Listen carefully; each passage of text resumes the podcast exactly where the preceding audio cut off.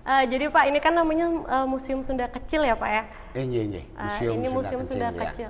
Saya tuh jadi penasaran, uh, setahu saya nih Pak ya, Sunda Kecil itu kan ibu kotanya provinsi, eh uh, Sunda Kecil itu adalah provinsi yang yeah. ibu kotanya itu uh, Singaraja dulunya. Jadi saya penasaran gimana sih Sunda Kecil pada masa itu, kala yeah. itu tuh Pak? Uh, Sunda Kecil mm. sesungguhnya kan merupakan provinsi ke-8. Mm-hmm. Jadi ada delapan provinsi ketika Bera baru merdeka. Salah satu di antaranya yang ke-8 adalah Sunda Kecil. Ya. Sebelum bernama Sunda Kecil, mm-hmm. dia bernama Nusa Tenggara sebenarnya mm-hmm. ya. Jadi uh, Sunda Kecil ini sebenarnya adalah provinsi berasal usul. Mm-hmm. Pada zaman kolonial, daerah yang dibawahi, artinya ada di bawah kekuasaan Singaraja itu sebenarnya adalah daerah Bali dan daerah hmm. Lombok. Ya. Daerah Bali dan Lombok itu menjadi satu keresidenan namanya. Hmm. Pada zaman kolonial Belanda ya. Satu keresidenan yang bernama Keresidenan Bali Lombok, hmm. ibu kotanya di Singaraja. Di Singaraja. Ya. Nah, singkat cerita setelah kita memproklamasikan diri, hmm. maka Sunda Kecil ini menjadi salah satu dari delapan provinsi yang ada ketika kita baru merdeka. Nah, pada saat Singaraja menjadi ibu kota Sunda Kecil, ya. itu sebenarnya adalah seluruh kawasan Asia Tenggara ini pusatnya ada di Singaraja. Jadi Singaraja menjadi ibu kota. Hmm. Ya pada zaman kolonial menjadi ibu kota Keresidenan Bali Lombok, hmm. pada setelah proklamasi menjadi ibu kota Sunda Kecil. Hmm. Ya, Sunda Kecil. Ya. Nah, gubernur pertama yang diangkat langsung oleh presiden pertama Soekarno yaitu bernama Igusti ya, tuh, Master Igusti Ketut Puja. Hmm. MR itu Mister. Mister bacanya bahasa Belanda. Master of the karena dia adalah ahli hukum. Hmm. Karena dia merupakan gubernur pertama dan terakhir. Hmm. Pertama dia diangkat dan terakhir dan, dan berakhir tidak ada Sunda kecil lagi hmm. gitu ya. Jadi pada saat dia diangkat dia membawahi daerah Bali, NTB, NTT. Hmm. Pada saat awal kemerdekaan karena situasinya tidaklah sama seperti sekarang. Mm-hmm. Sekarang ada suatu peristiwa kan langsung viral di media massa, semua yeah. orang bisa melihat dan tahu. Master Igusti Ketut Puja pada saat itu memberitakan proklamasi itu adalah dari satu desa ke desa. Hmm. Dari kota Singaraja ke Denpasar, ke kota-kota lain, menggunakan ke Sumbawa, sampai ke Sumbawa kan? Ah. Berakhir, sampai di Sumbawa sudah berakhir dia. Tapi dia tuh ya. nyebar informasinya menggunakan apa, Dia Pak? menggunakan surat selebaran oh. dari mulut ke mulut menggunakan radio. Jangkauannya adalah siapa yang punya radio dan siapa yang bisa mendengar radio. Radio pun tidak dimiliki oleh rakyat pada saat itu. Hmm. Sehingga sangat sulit sekali mengkomunikasikan hal-hal yang bersifat massal seperti hmm. sekarang. Hmm. Sekarang kan sangat mudah sekali. Yeah. Hal yang bersifat prepaid, individual, daerahnya terpencil pun bisa menjadi bisa. viral karena media massa kan. Nah oleh karena itulah maka peran Misteri Gusti Ketut Puja kita anggap walaupun tidak lama adalah sangat sentral di awal hmm. kemerdekaan. Di samping dia menjadi anggota PPKI hmm. ketika dia membentuk negara Republik Indonesia ini dia ikut terlibat di dalamnya. Hmm. Salah satu putra Bali yang terlibat langsung dan menjadi gubernur langsung. Keren. Ya. Persoalannya sekarang adalah mengapa Singaraja dan ya. bagaimana Singaraja pada saat itu kan? Hmm, hmm. Singaraja sesungguhnya pada saat ya atau ketika belum dikuasai oleh Belanda, hmm. kan kita tahu peristiwa penguasaan Buleleng oleh Belanda diawali dengan peristiwa puputan Jagaraga hmm, tahun 1849 hmm. atau pertengahan abad ke-19 ya. Hmm. Pada saat itu ketika Buleleng dikuasai oleh Belanda, hmm. sesungguhnya Buleleng sudah ada perdagangan tapi masih intersuler istilahnya, oh. antar pulau kecil-kecil hmm. ya. Jadi di pantai utara Bali ini dari barat sampai ke timur, juga di Lombok hmm. sampai ke Sumbawa ada pelabuhan-pelabuhan kecil. Hmm. Yang Selain berantai, ya, ya, yang berantai satu hmm. dengan yang lainnya. Hmm. Satu di antaranya yang paling besar kiprahnya di daerah timur ini ketika zaman kolonial itu dipandang oleh Belanda Singaraja. Mengapa Singaraja dipandang oleh Belanda kan? Karena pada saat itu kita tahu tahun 1819 telah berdiri Singapura. Singapura kan Inggris. Kapal-kapal Inggris pada saat itu ketika perdagangan Bali berpusat di Kuto dan Pasar, ya Pedagang Inggris itu sudah banyak yang berlabuh di Pelabuhan Beleleng menggunakan kapal Inggris dan berdera, berbendera Inggris. Hmm. Maka mata-mata Belanda melaporkan bahwa para kapal Inggris telah berlabuh di Singapura. Muncullah isu pada saat itu di tahun sebelum 1850 itu kan. Isu bahwa Singaraja akan dijadikan Singapura kedua. Hmm. Kalau Singapura ada Singaraja. Hmm. Singaraja akan menjadi Singapura kedua kan. Hmm. Kenapa? Karena Belanda mencurigai juga hal itu hmm. dengan adanya isu bahwa Singaraja akan dijadikan Singapura kedua untuk mengambil barang dagangan di daerah sekitar Bali. Hmm. Maka Belanda tergesa-gesa mengkupdetat anggaplah kan hmm. melakukan akselerasi kekuasaannya ke Singaraja sehingga dia melakukan dengan berbagai cara.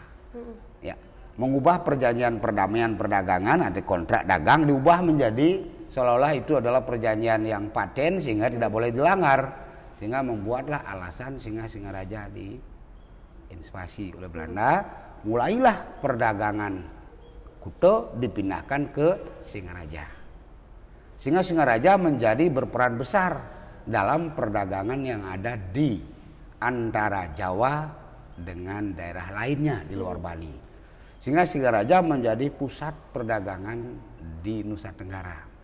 Wow. Karena pada saat itu Inggris sudah membuat jalur perdagangan yaitu Singapura, Semarang, Surabaya, Singaraja, hmm. kan, Ampenan atau Mataram, hmm. terus ke Australia.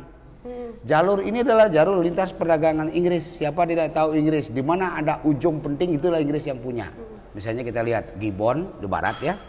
Setelah itu Pulau Kereta masuk ke daerah Timur Tengah itu tulisan Suez dia yang bikin kan. Ke timur Sri Lanka. Terus ke selatan Singapura, maka dicurigai Singaraja karena dia berujung dengan berhadapan dengan Pulau Jawa. Nah, oleh karena itu Belanda menguasai ini Singaraja. Jadi peran kota Singaraja pada saat itu sangat luar biasa sebagai kota kolonial kan sebagai kota pusat politik karena dia menguasai kawasan Asia Tenggara apa namanya kawasan Asia Tenggara dan untuk melihat Asia Tenggara apa yang terjadi di Singaraja Belanda setelah itu Singaraja juga menjadi tempat keluar masuknya barang keluar masuknya peradaban jadi pengaruh luar kan melalui Singaraja karena pelabuhan udara belum ada. Hmm. Sehingga Singaraja menjadi pusat sentrum baik peradaban, perekonomian, politik dan sebagainya. Khususnya adalah pada saat itu menyangkut daerah Sunda Kecil ini. Nah, oleh karena itulah ketika ketika Sunda Kecil ini menjadi satu provinsi, -hmm. muncullah pergolakan di Sunda Kecil. -hmm. Pergolakan yang menurut analisis Bapak secara historis yeah walaupun tidak dieksplorasi oleh siapa pun sebenarnya pergolakannya adalah bersumber pada anutan agama yang berbeda jadi penganut atau umat penganut yang berbeda. Berarti di sini udah banyak ya ada agama-agama itu ya Pak ya? Pada saat hmm. itu kan sudah Indonesia. Singaraja kan multikultur sebenarnya hmm. kan. Hmm. Orang Bali kan kita lihat di sekitar pelabuhan yeah. ini kan hmm. berbagai etnik ada di sini. Yeah. Tetapi secara umum mengapa Sunda kecil terpecah menjadi tiga akhirnya setelah di bawah Singaraja itu ber, membelah diri kan menjadilah Singaraja menjadi ibu kota provinsi Bali di tahun 58 ini. NTB ibu kotanya di Mataram, kan. Setelah itu NTT. Kan pecah jadi tiga.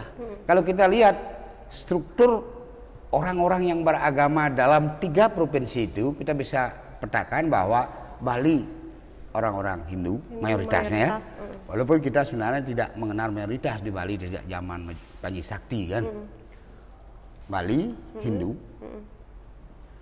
NTB Islam, ya sampai ke Sumbawa itu. Setelah itu NTT Kristen. Kan ada tiga pemetaan. Sekarang bagaimana kita ini tidak bisa ribut-ribut aja nanti. Pecahlah dia menjadi tiga provinsi, yaitu provinsi Bali, provinsi Nusa Tenggara Barat, Nusa Tenggara Barat dan, dan provinsi Timur. Nusa Tenggara Timur kan. Jadi kan jelas. Jadi tahun 1958 itu terjadi pergolakan sebelumnya itu sehingga diambil keputusan untuk dijadikan tiga provinsi kan? Berkembang terus provinsinya sekarang kan? Nah ketiga provinsi ini sebenarnya adalah memiliki latar belakang penjajahan latar belakang keagamaan masyarakat latar belakang struktur dan kultur masyarakat yang sedikit berbeda sehingga persatuan yang disatukan oleh ibu kota Sunda kecil di Singaraja sebagai pusatnya itu akhirnya terpecah 1959. Karena internnya Pak ya, Ya, masalah ya, intern. 19, ah, 1958 karena faktor intern. Tapi perpecahan tidak sampai perang dan lain sebagainya. Ribut-ribut di DPR dan lain sebagainya, usul di berbagai daerah sehingga akhirnya setelah didiskusikan mungkin atas persetujuan pemerintah pada waktu itu kan sehingga akhirnya menjadi tiga provinsi. Nah, pelabuhan Beleleng ini akhirnya adalah mulai sedikit demi sedikit menurut kan. Karena mulanya ketiga daerah ini ya ketiga provinsi ini semua pusat pemerintahannya di Singaraja. Kan orang urusan politik kan ke Singaraja. Semua pusat perdagangannya adalah ekspor importnya melalui pelabuhan Beleleng. Sekarang terpecah lagi ke daerah lain. Kan sepertiga masih. Setelah itu kota-kota lain akhirnya lebih muncul dibandingkan Singaraja. Ya, Akhirnya kan Singaraja mulai menjadi menyurut, menyurut, menyurut. Setelah pindahnya ibu kota terus dari Singaraja ke Denpasar. Denpasar, Singaraja menjadi ibu kota kabupaten, Denpasar menjadi ibu kota provinsi. Mulailah kantor-kantor yang ada di Singaraja ini, misalnya kampus bawah tempat Bapak bekerja itu kan, dulu itu adalah kantor keuangan. Maka pindah ke Denpasar keuangannya kan, kantor pusat kantor pajak pindah ke Denpasar, pusat perdagangan ya pindah ke Denpasar dan sebagainya. Sehingga mulailah di sini ditinggalkan oleh pusat-pusat pemerintahan, ada pusat-pusat bisnis dan sebagainya. Mulailah Singaraja itu sedikit demi sedikit akhirnya seperti menurun posisi strategisnya setelah tahun 1959 itu. Setelah dia dipindahkan ibu kota provinsi ini ke Denpasar. Ditambah lagi setelah di Denpasar dibangun lapangan Ngurah Rai. Ngurah Rai, ya. Orang sekarang terbang di luar negeri kan langsung ke Ngurah Rai di Denpasar. Tambah lagi pusat pusat lain seperti pusat pariwisata di Denpasar. Dan itu, ada sebenarnya di situ notulan atau apa namanya lah komitmen politik pada saat itu bahwa pelabuhan benua itu sebenarnya adalah akan dipindah ke Singaraja. Singaraja tetap menjadi ibu kota pelabuhan laut kan, sehingga tidak terjadi. Sehingga barang-barang yang lain pun turun di benua Bandung masih kan. Nah Singaraja menjadi mulai sepi. Oleh karena itu pemerintah melihat di tahun 1970-an itu, terutama 1979 itu, Singaraja ini perlu redefinisi karena pelabuhan Beleleng ini tidak terlalu berperan penting lagi seperti itu. Karena perannya hanya digunakan untuk mengimport kayu dari daerah Kalimantan dan sekitarnya itu.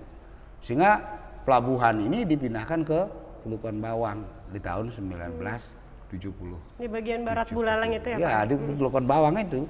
Sehingga ini menjadi mati dia. Hmm. Ya, mati ini. Di sini ada tanah sekitar tiga setengah hektar di Rislah, istilahnya dipindah tangankan atau ditokar dengan daerah pelabuhan Selukan Bawang itu dua kali lipat tanah ini. gitu Ya, sehingga ini mulanya kan milik provinsi nih, milik pemerintah pusat kan sehingga ditukar dengan Tumbawang. Inilah pemerintah Singaraja yang sebenarnya sudah punya. Tapi lama ini terbengkalai. Lama tidak dipakai dan sebagainya Sehingga Sekitar berapa tahun Pak? Lama itu sampai tahun 9, 2019. Kita ini kan hanya pemerintah anu kan hmm. Pak Pak Komang Gede pada waktu itu kita mencoba Pak Komang bagaimana kalau kita usulkan hmm. agar pelabuhan Beleng itu tetap kantornya saja. Ya. Ini kantornya, kantor hmm. duanonya ini. Yang lain-lain kita tidak tahu akan dihabisi oleh ya. pemerintah dan sebagainya karena tidak diketahui sejarahnya. Bagaimana agar pelabuhan Buleleng tetap dikenang oleh masyarakat sejarahnya, hmm. kita ubah, kita buat museumnya di situ sehingga museum Sunda Kecil ini sesungguhnya ide gagasannya untuk memamerkan barang dagangan hmm. dan sebagainya, benda-benda koleksi yang datang dari seluruh Sunda Kecil di sini. Hmm.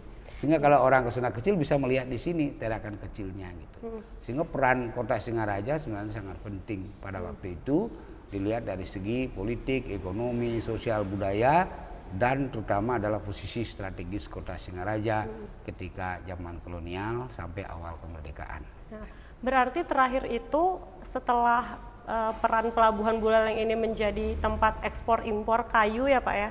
ya pelabuhan ini Lakukan bawang, selukan bawang impor. Ini oh itu kan udah terakhir. Ya, terakhir. Berarti yang terakhir itu uh, sampai di tahun 2019. Sembilan 1979. Oh. Kan pelabuhan Beleng ini dipindah ke sehingga, Pelabuhan Bawang.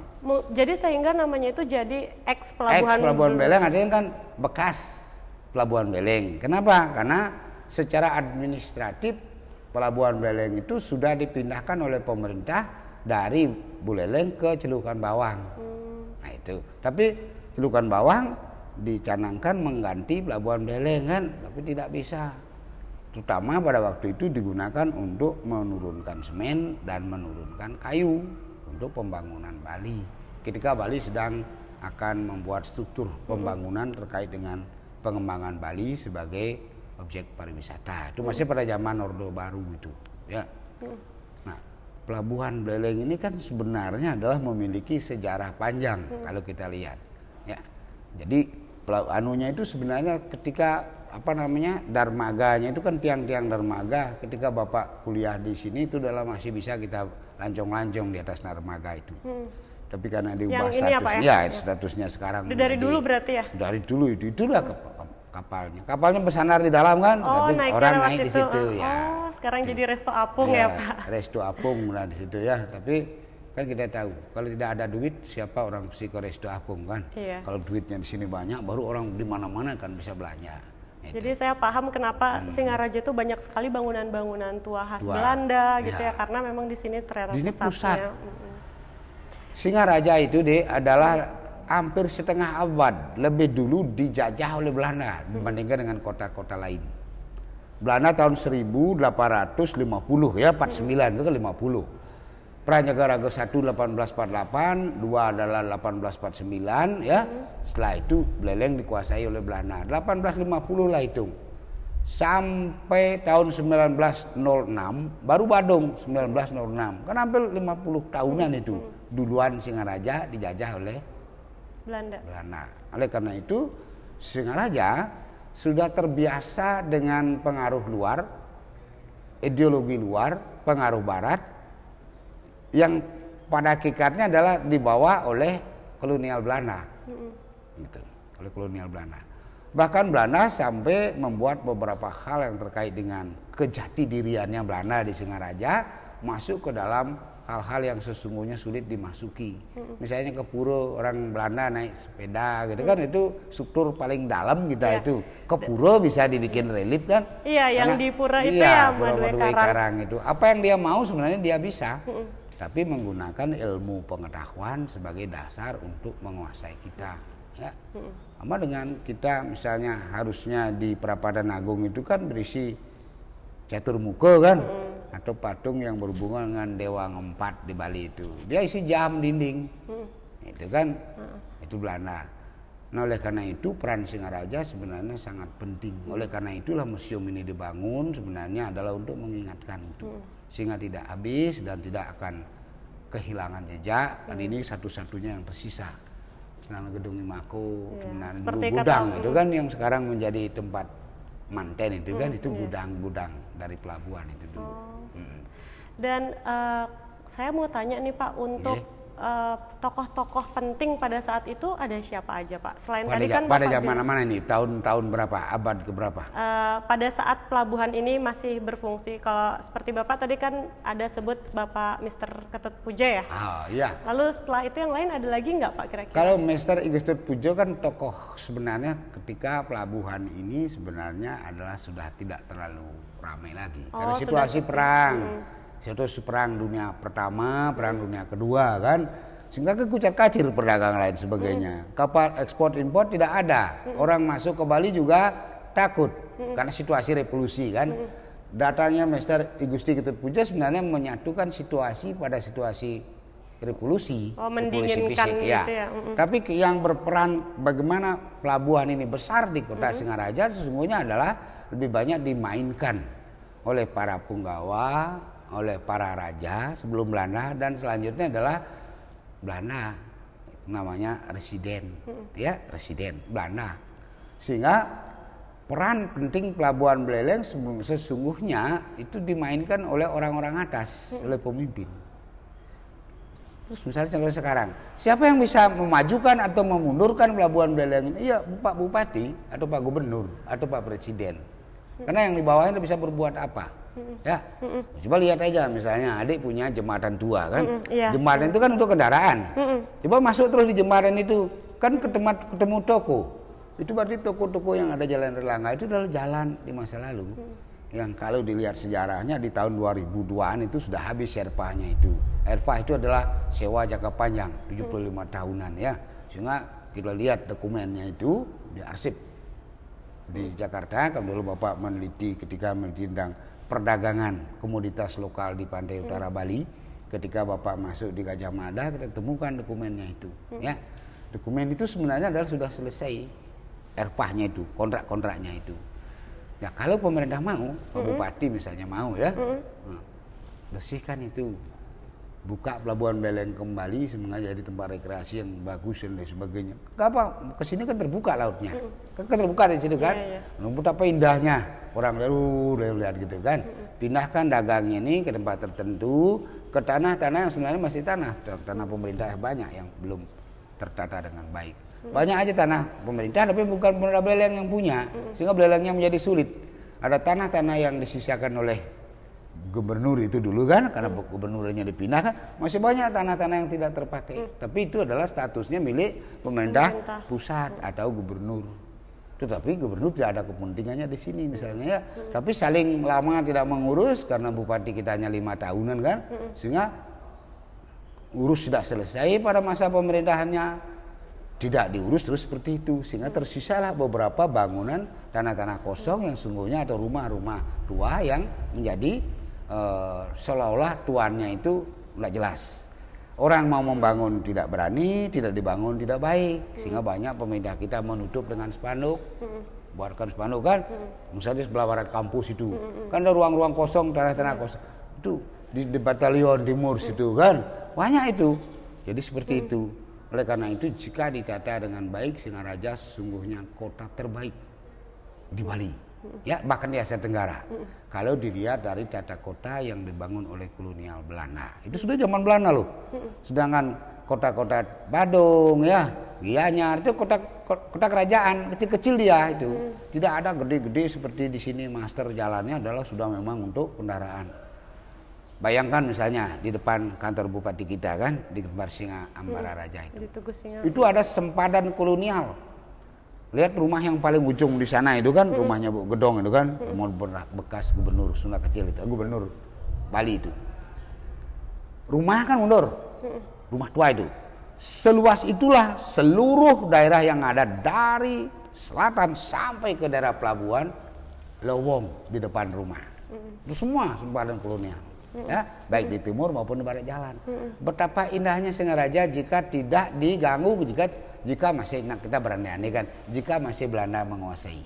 Tidak akan ada warung naik ya membuat dagang masuk ke dalam kan, membuat bank masuk, membuat toko motor sepeda motor masuk ke dalam. Nggak ada. Terus gitu jalan ke, ke anu itu. Itu sempadan kolonial namanya itu ada sekitar hampir 20 meter itu ke belakang rumah itu tidak boleh dibangun nih kosong terus Di, di timur juga kosong. Ada yang tersisa kan? Iya. Misalnya adalah yang ditempati oleh eh, yang yang masih sempadannya oleh Kodim itu.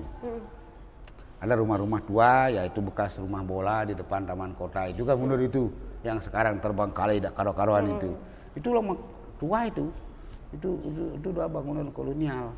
Itulah sesungguhnya eh, kita kaya tapi kita sebenarnya sulit memakai karena masih statusnya seolah-olah tanah ini. Tanah ada di daerah kita dulu dijadikan usaha oleh pemerintah sekarang ditinggal tak diselesaikan statusnya sehingga kota Singaraja ngambil su- susah bupatinya mau ngambil susah tidak memakai juga tidak bagus karena kotanya tidak bisa ditata dengan baik. Nah ada beberapa sekitar beberapa mungkin setahun dua tahun lalu ada teman dari Pemda itu dari pertanahan melihat bagaimana pelabuhan Beleng Pak, Pak pinjam data lain semua tak kasih. Pun demikian mau menjalan melakukan sesuatu yang dia maui, apa yang terjadi di masyarakat belum tentu.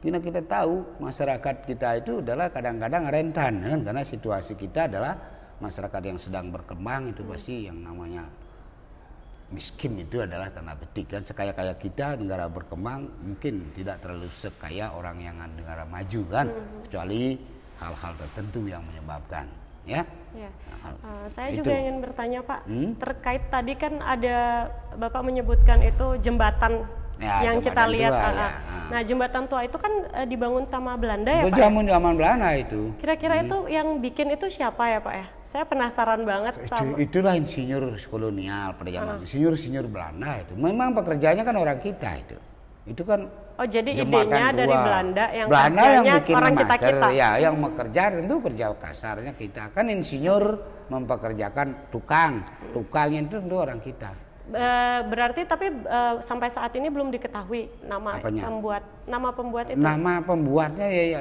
Belanda. Pada saat itu kan ada sama dengan pemerintah Beleng kan. Hmm. siapa bilang pembuatnya pemerintah? Oh, nah ada struktur di situ. Hmm. ada kantornya. Namanya adalah kantor pekerjaan umum seperti dulu kan. Hmm, itu dia tugasnya adalah membuat jalan dan membuat zaman Belanda itu jadi satu. Hmm, membuat jalan dan membuat perair pengairan. dia jadi satu itu. Jadi satu anu apa namanya satu departemen lah gitu kan. Oleh karena itu yang membuat itu tentu adalah struktur yang dibikin oleh pemerintah Belanda. Itu jalan kan? Jalan Singaraja Seririt dan ke Karangasem itu dibuat sekitar tahun 1 catatan sejarah. Tahun 1 1901 tahun 1 itu. Masih itu ke Seririt itu adalah menggunakan jalan tanah ya. Tahun nembus dari dari Singaraja apabila di Seririt ke barat itu sampai ke Gilimanuk itu tahun 1937 di Pulaki itu Mongpong itu tahun 1937 ya. Nah, termasuk ke Denpasar ini. Itu adalah menggunakan kerja rodi kerja rakyat ya. Rakyat yang mengerjakan. Karena yang pertama jalan nada adalah ke timur ke Karangasem kedua adalah ke Bubunan itu naik ke Bubunan ke Pupuan kan baru ke Badung dan di barat. Sedangkan ini dan tembus jalan itu jalan sebenarnya adalah jalan alternatif naik gunung.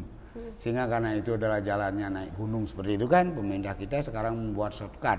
Itu sebenarnya adalah bagaimana jalan itu dirancang agar mobil-mobil bisa masuk mobil besar.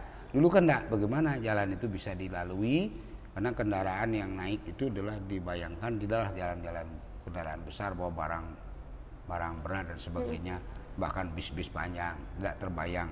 Karena situasi pada saat itu kan besar bis besar kendaraan kan belum ada seperti itu. Iya. dengan 1937 kan baru-barusan itu sebenarnya mobil-mobil itu dibikin ya baru ada itu. Sedangkan mobil tidak ada segede-gede seperti sekarang itu. Itu. Sehingga itu situasi pada awal itu ya. Jadi Singaraja sebenarnya lebih dulu menikmati pengaruh luar itu sehingga orang Singaraja kan sebenarnya lah sudah terbiasa dengan berbagai hal yang berhubungan dengan asing tetapi kita harus kagum dengan Singaraja itu adalah walaupun dia demikian terbukanya dengan pengaruh asing tetapi dialah sebenarnya yang paling tetap bertahan kepada eksistensi dirinya sebagai orang Singaraja tahu deh contohnya Dedian Iya Pak. hanya Singaraja sebenarnya yang tidak mau dan tidak bisa menerima kawin Nyentano itu. Itu artinya apa? Singaraja lah yang mempertahankan eksistensi jati diri kekeluargaan inti yang disebut dengan klan itu. Sedangkan yang lain bisa campur-campur, kan?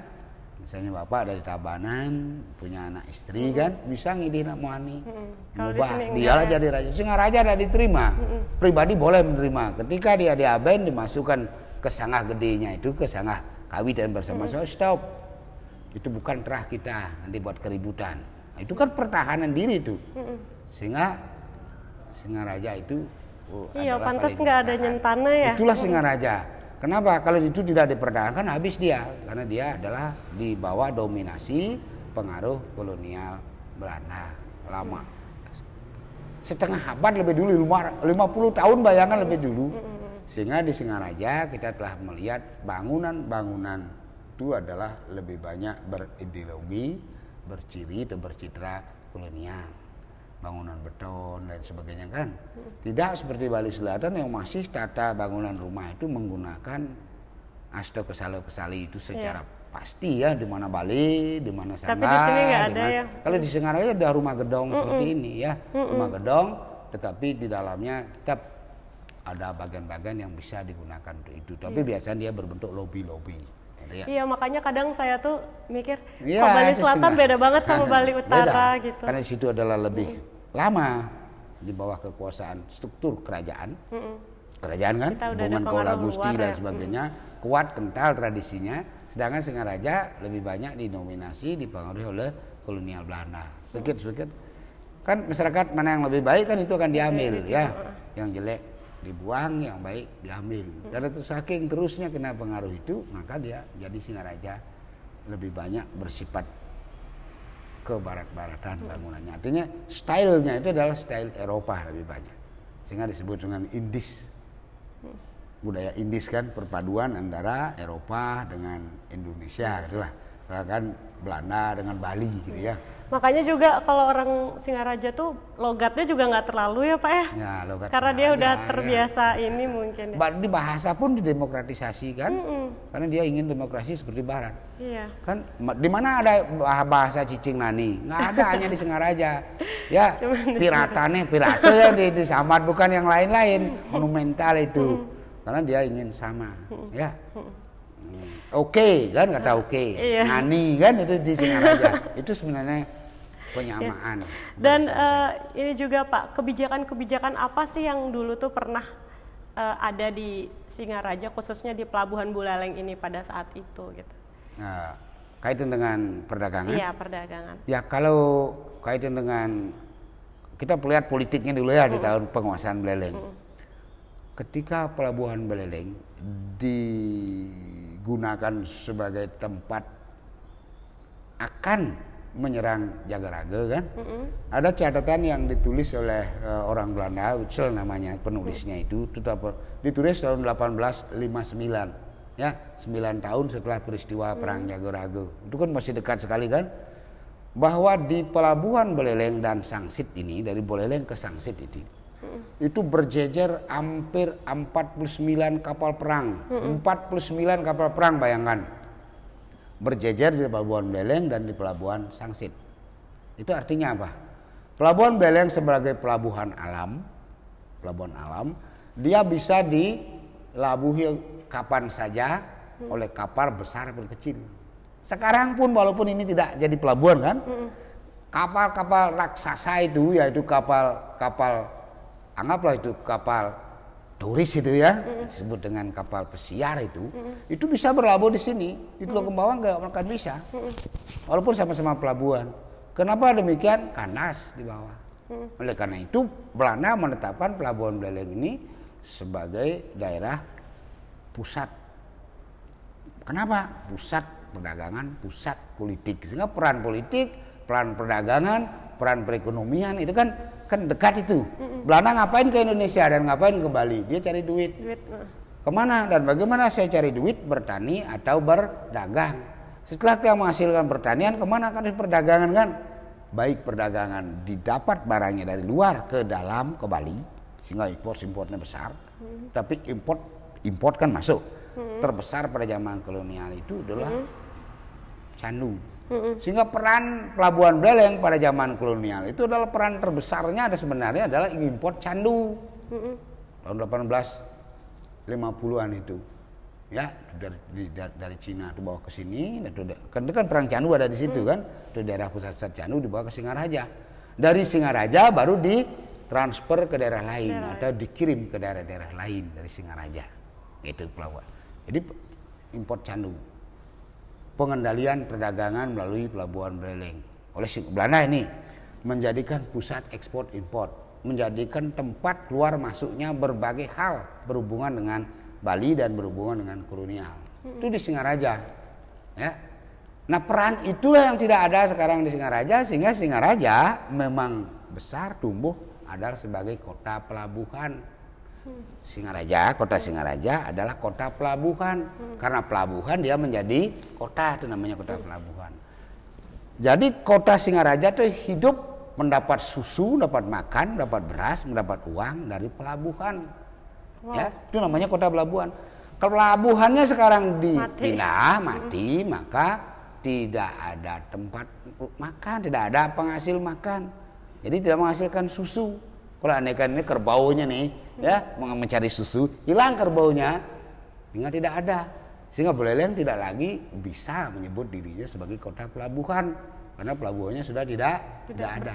Apa yang dipikirkan oleh Belanda, diteliti oleh Belanda, dibikin oleh Belanda, kita ganti dengan pemikiran kita. Mm -mm. Ya, kita menjadi kota kota apa sih ngerajain? Pelajar. Pelajar. Mana ada anu? Mana ada apa? E, perhatian besar pemerintah kan? Kan, tidak. Loh, ini Undiksa, ini bangunan. Kan diambil ibu anu gedung Singaraja. Kampus kita itu. Kalau misalnya, loh ini Pemdanya sekarang ini ini kan kita bikin kedokteran harapan bapak ini sebagai anu lu kedok uh, undiksa ambil itu gedung kesenian itu bandingkan bengkalai pakai lu rumah sakit di situ Singaraja kan banyak orang ke Singaraja berobat orang-orang Sumenep dan orang-orang apa namanya Kangian yang ada di Madura itu kan ke sini berobat masuk aja di situ dan sebagainya tapi canangan Singaraja sebagai kota pendidikan itu baru hanya tanda petik aksinya belum ada aksinya. Hmm. Tetapi niat pemerintah sudah ada. sudah ada. Karena semua struktur kan bupati kan bukan seorang diri. Di situ ada DPR. Hmm. Di situ ada apa namanya bagian-bagian yang lain. Di situ ada Pak Bupati, Wakil Bupati. Hmm. Dan bisa sendiri-sendiri itu. Dari rakyat dulu, rakyat kan DPR kelihatannya kan dari DPR baru musuh bupati, bupati kan pribadi.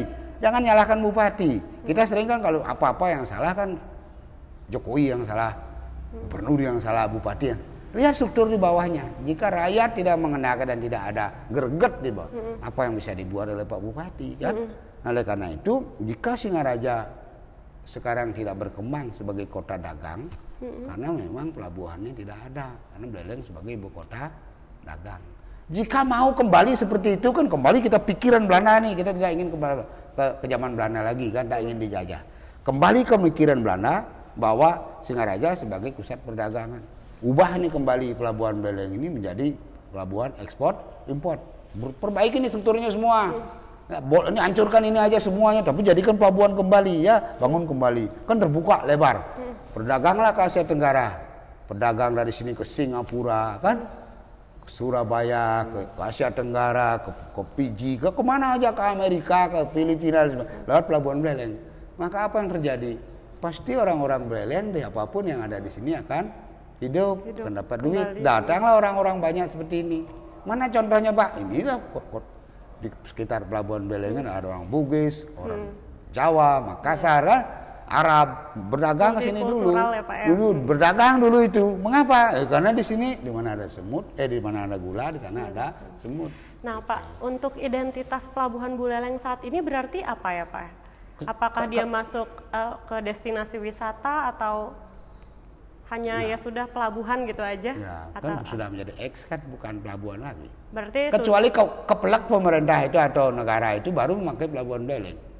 Berarti kalau untuk uh, wisatawan gitu bisa? Karena kan di sini memang ya pemerintah kita sebenarnya kan mengikuti. Dia dia, dia juga kita kan kesulitan karena kita kan sekarang menjadi ibu kota kabupaten kan, hmm. walaupun otonomi daerah kan, hmm. sumber penghasilan kita sebenarnya adalah sebagian besar pertanian, harusnya pertanian dan laut. Hmm.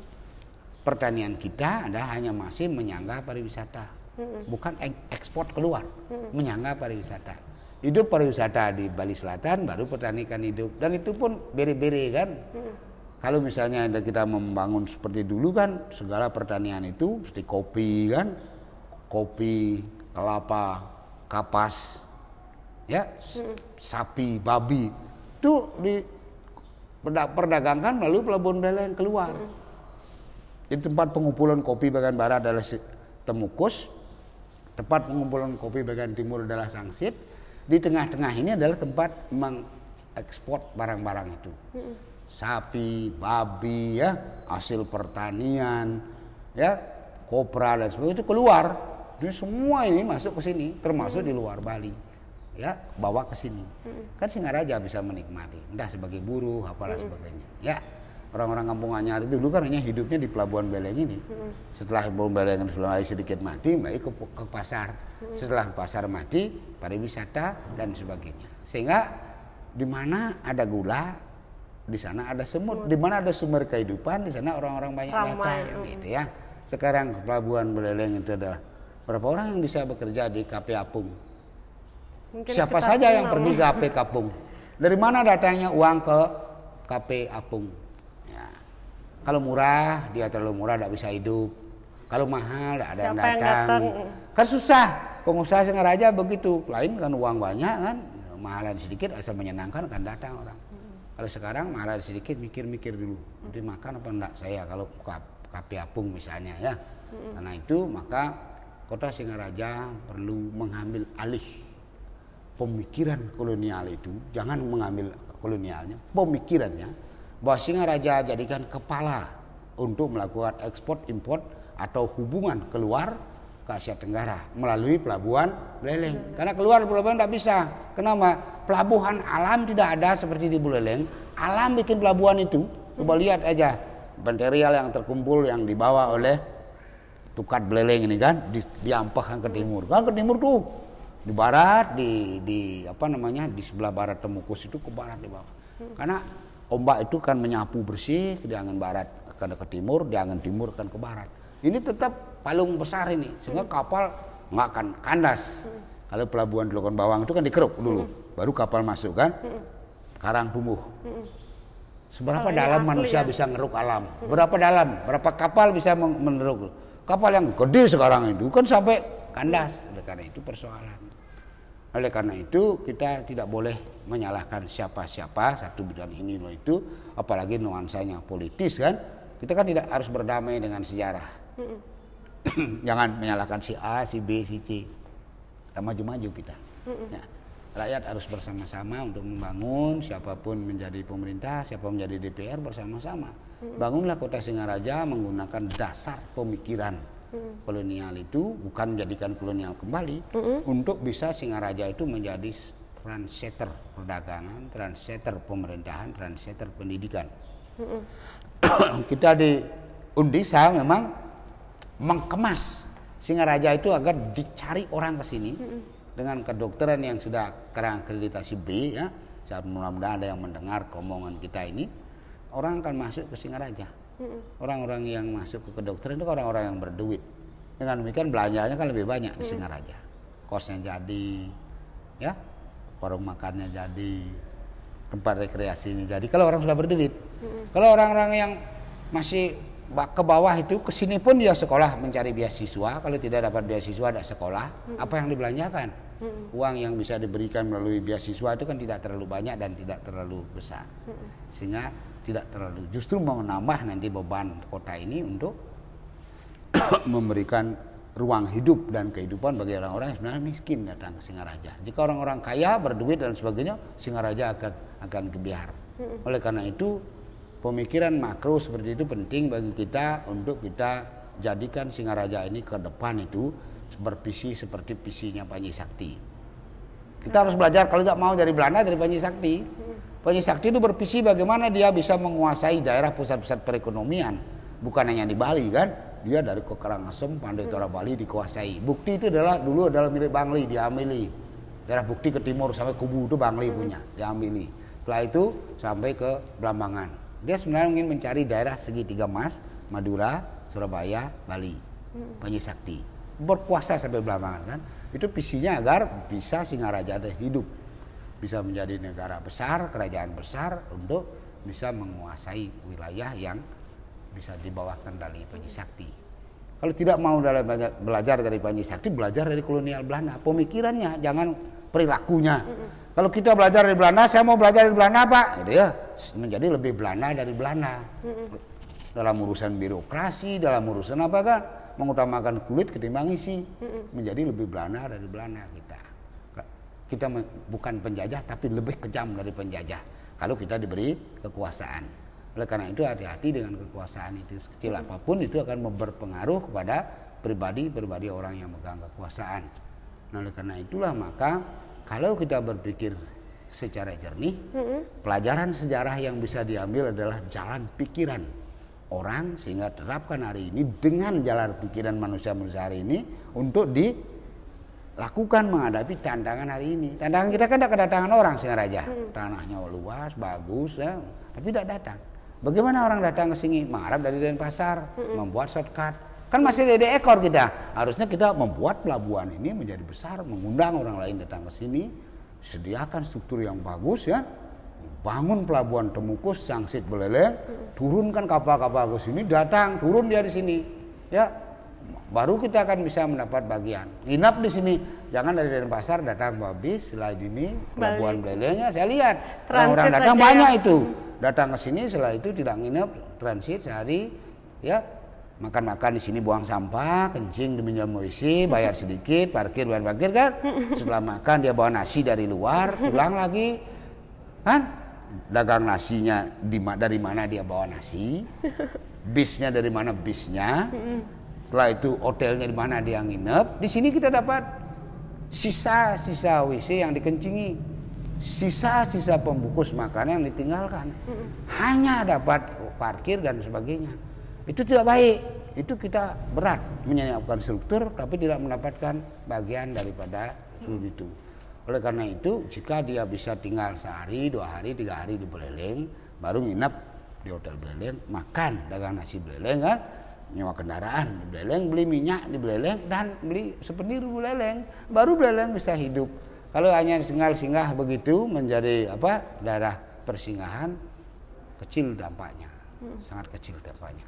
Oleh karena itu pariwisata tidak hanya menyediakan struktur kan, harus menyediakan penginapan, hiburan kan, penginapan, hiburan dan kebutuhan lain yang hmm. bisa dibutuhkan. Itu. Nah itu itu. Mungkin itu. Wow, banyak sekali informasi ya. yang saya dapat nih pastinya dan mudah-mudahan ya. teman-teman juga jadi tahu uh, sedikit sejarah tentang Pelabuhan hmm. Buleleng dan Singaraja ya, ya Pak. Ya sebelum dan diakhiri deh, Bapak ada statement akhir. Tapi Bapak. saya ada satu lagi pertanyaan. Masih ada Pak, pertanyaan satu ya. lagi terakhir ah, banyak nih. sekali nih pertanyaannya kok.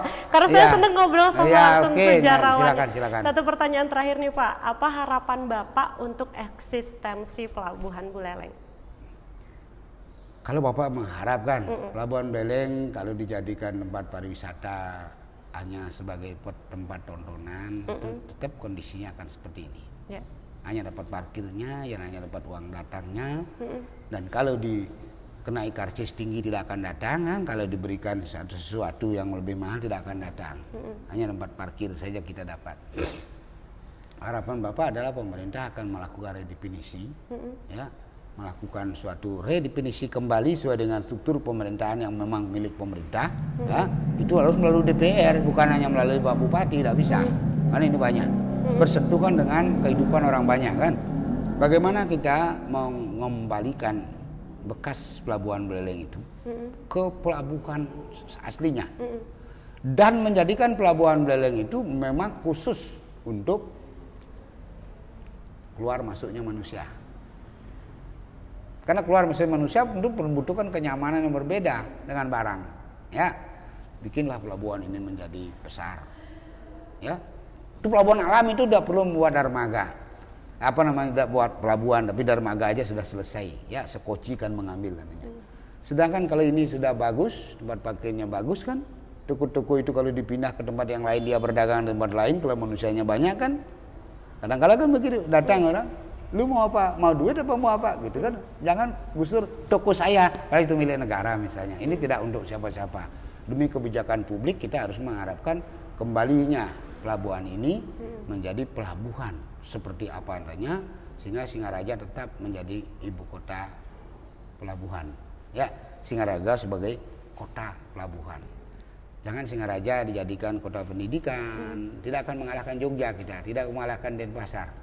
Ya, untung ada Undiksa. Seandainya Undiksa sudah dipindah di tahun 1994 dan ke Denpasar, hmm. habislah kita. Ya, tetaplah masih bisa hidup, tapi akan mencari cari makan-makan yang lain, mengulang lagi pembangunannya. Ya, hmm. jadi Singaraja itu sebenarnya adalah diselamatkan oleh Undiksa kalau orang mengerti. Berapa orang datang ke Singaraja cari makan, kuliah, kos, Ya, bagaimana situasi Singaraja ketika online tidak ada eh, apa daring semuanya sepi, dagang-dagangnya mengeluh, bemo apalagi bangkrut, ojek tidak jalan ya. Coba bayangkan itu pendidikan. Oleh karena itu harapan Bapak palikan pelabuhan ini dalam menjadi pelabuhan transport import hmm. manusia bukan lagi barangan, hmm. manusia untuk pariwisata lah, pendidikan lah jadikan ini adalah tempat sarana memang dibangun untuk ke Semarang lah dari sini dengan bagus untuk ke ujung pandang di pelabuhan hmm. ya memang disediakan dipromosikan hmm. setelah itu baguskan ini ditata dengan baik mana hak pemerintah mana hak pribadi kembalikan hmm. ya sehingga pemerintah itu menjadi bagus mengelola setelah itu kita akan menjadikan Singaraja ini menjadi lebih baik dari sebelumnya maka di situlah peran Singaraja menjadi kota pendidikan akan sangat penting. Ya, hmm. di samping peran Singaraja sebagai anggaplah kita menjadi pariwisata ya. Pariwisata yang dikembangkan di Singaraja adalah di Singaraja tentu pariwisata alam. Hmm. Pariwisata religi. Pura-pura tua kita di Singaraja. Yang gak gunungnya kita. Ya, setelah itu hutan-hutan yang masih bagus digunakan untuk bersemedi. Hmm. Setelah itu daerah-daerah yang adanya garo gunungnya baik dari timur ke barat itu ada hulu tebennya yang bisa dikemas menjadi objek wisata alam. Nah itu itu tentu membutuhkan satu perencanaan jangka panjang kalau kita memang demi masa depan Singaraja. Nah sebagai orang yang hidup di Singaraja merasakan sekali bahwa apa yang telah dilakukan oleh pemerintah itu semua sangat besar sekali termasuk membuat ini kan sebenarnya dalam rangka itu. Bapak sering sekali diajak diskusi dan lain sebagainya tapi ketika mau dilaksanakan kita selalu terbentur di lapangan karena situasi keuangan, kadang-kadang situasi politik, ada kepentingan-kepentingan tertentu. Sama dengan membangun bandara. Di timur ya. apa di barat nih? Apa di kubu tambahan apa di barat? Terus begitu kan, itu sekarang ya. Lah kan udah jadi dibangun akhirnya kan. Peletakan batu pertama tidak bangun, peletakan batu kedua tidak bangun, peletakan batu ketiga tidak bangun. Kenapa?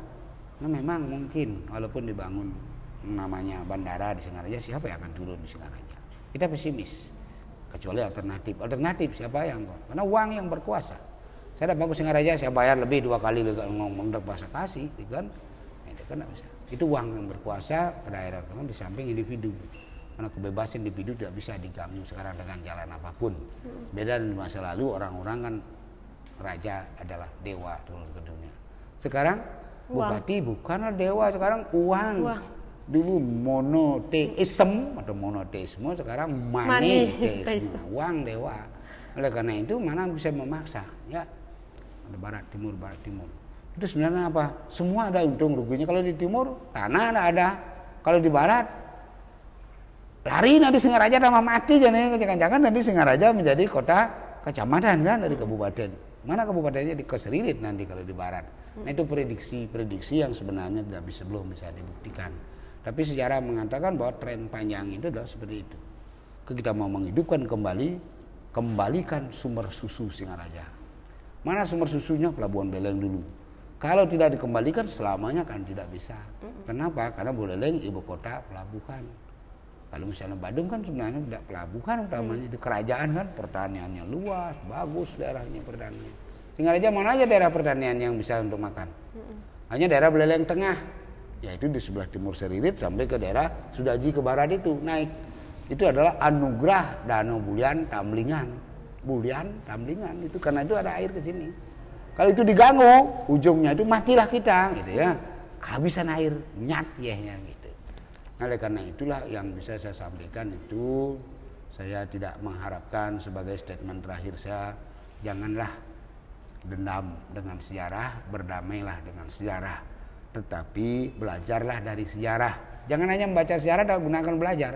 Belajar dari sejarah sehingga pemikiran-pemikiran masa lalu yang baik itu, baik dari raja, dari Belanda, dari pemerintah lokal dan sebagainya bisa digunakan untuk masa depan. Jangan digunakan untuk saling bunuh dan saling menyalahkan. Kan tidak bergerak kita. Ya, manusia pasti ada baik dan pasti buruknya, pasti ada salah dan ada benar. Benarnya. Kan sederhana begitu. Itu yang Pak bisa sampaikan. Apalagi yang ditanyakan. Ah, luar biasa sekali. Terima kasih Pak Pagah. Saya udah dikasih Ya. informasi. Ya mudah-mudahan banyak seperti Dek Dian ya yang banyak yang belajar dari sejarah. Bukan Iya. banyak belajar sejarah tapi tidak mau belajar dari sejarah. Karena, ya, tidak mau belajar, mempelajari sejarah tapi tidak mau belajar dari sejarah. Ya. Terima kasih Bapak. Saya jadi ingat katanya Bapak Soekarno juga Ya. kalau jangan sesekali melupakan sejarah karena sejarah itu sangat penting ya Iya. untuk kemajuan bangsa dan negaranya. Iya, jas merah. Iya Ya, benar sekali. Terima kasih Bapak Paga. Kalau gitu Iya. Dian kayaknya mau lanjut deh untuk lihat-lihat ini Museum Sunda kecilnya ya. ya, oke, semoga silakan. nanti teman-teman mendapat informasi dari kita berdua Hmm. dan semoga nanti banyak yang nonton ya Pak. Nggih, Terima kasih. mudah-mudahan. Dian lanjut dulu ya Selamat, Pak. Nggih. Selamat sukses ya. Ya, Terima terima kasih. kasih. Hmm.